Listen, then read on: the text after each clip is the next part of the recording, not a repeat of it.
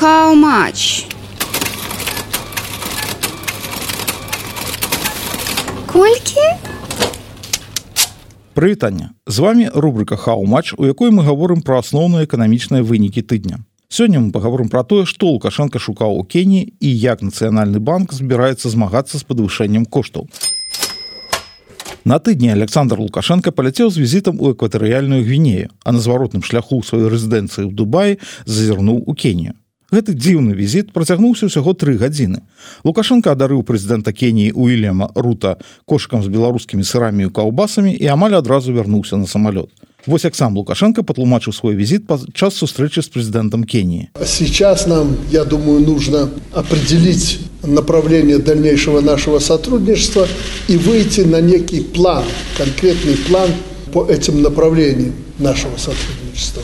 Але насамрэч канкрэтны план ужо даўно ёсць. За мімалётным візітам стаяць, здаецца, вельмі прыстойныя грошы. Калі ў ўладу атрымаецца рэалізаваць даўнюю кенійскую мару, дык кошык з беларускімі прадуктамі акупіцца шмат разоў. Размова ідзе аб здзелцы па закупцы Кеніі беларускай тэхнікі на 31 мільярд кенійскіх шылінгаў па бягучым курсе гэта прыкладна 320 мільёнаў долараў. Адна гэтая сделка пацягне больш чым увесь беларускі экспорт ва ўсе афрыканскія краіны які за мінулы год склаў усяго 200 мільёнаў долараў. Толькі вось давесці сделку до конца ніяк не атрымоўваецца. Ідэя прадаць кеніі шмат шмат беларускіх трактароў абмяркоўваецца прынамсі з 19 -го года. Але спачатку ковід а пасля расправа над пратэстамі два -го года і заходнія санкцыі падарвалі беларускія перамоўныя пазіцыі Сделка так і не адбылася. У двадцатым годзе беларускі экспорт у Кенію склаў 5 з паловай мільёнаў долараў. У 21 годзе 3 мільёны, а ў 22 крыху больш за 10. Старую ідэю толькі ўжо ў большых маштабах рэанімавалі ў мінулым годзе.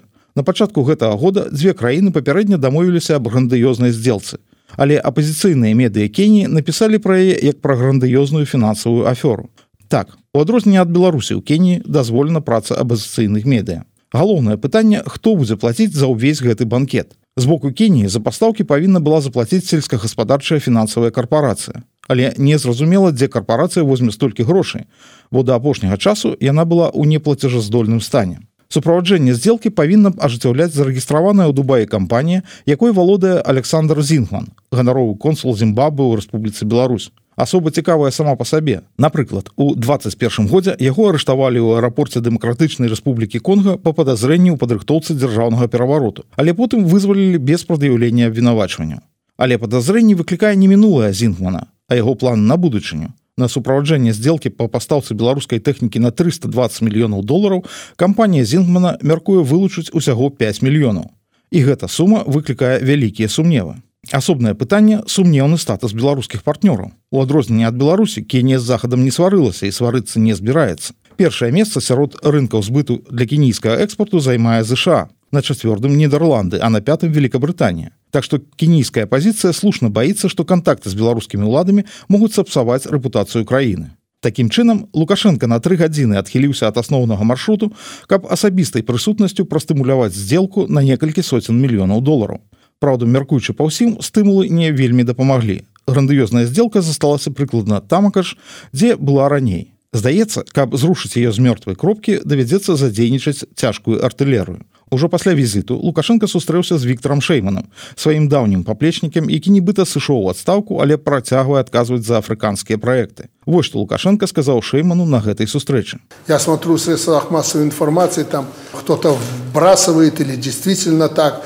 У нас есть проблемы с поставками нашей техники на африканский рынок, чтобы у нас там порядок был железный порядок, э, чтобы африканцы понимали, что мы люди добросовестные и ответственные, и чтобы мы там излишне ничего не требовали.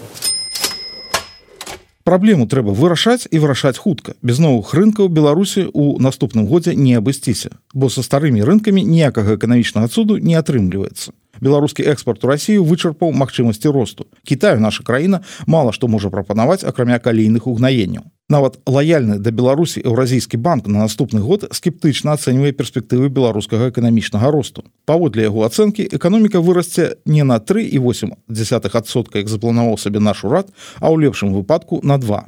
У 25 26 годзе паводле прагнозу банка справу пойдуць яшчэ горш банк чакае рост беларускай эканомікі не больш чым на 1-2соткі Пры гэтым што крыўдна пры эканамічнай стагнацыі Беларусь атрымае яшчэ і рост коштаў. По прагнозе банка інфляцыя замест запавольвання до 6соткаў на якое разлічваюць беларускія ўлады паскорыцца до 8 разгон інфляцыі ўжо пачаўся. Пасля гістарычных мінімумаў за 11 месяцаў яна склала 5 і 4 адсоткі. Да таго ж жорсткі кантроль над коштамі паспеў падарваць фінансавы дабрабыт гандлёвых сетак так што ў справу гатовы ўмяшацца нацыянальны банк С 3 студзеня наступного года Нацбанк збіраецца вярнуцца да рэгулявання ліквіднасці банкаў. Гэта значыць будзе вымаць у банкаў лішнія грошы. Таму што лішнія грошы гэта добра для стымулявання эканамічнага росту, але ж яны не надта дапамагаюць фінансавай стабільнасці.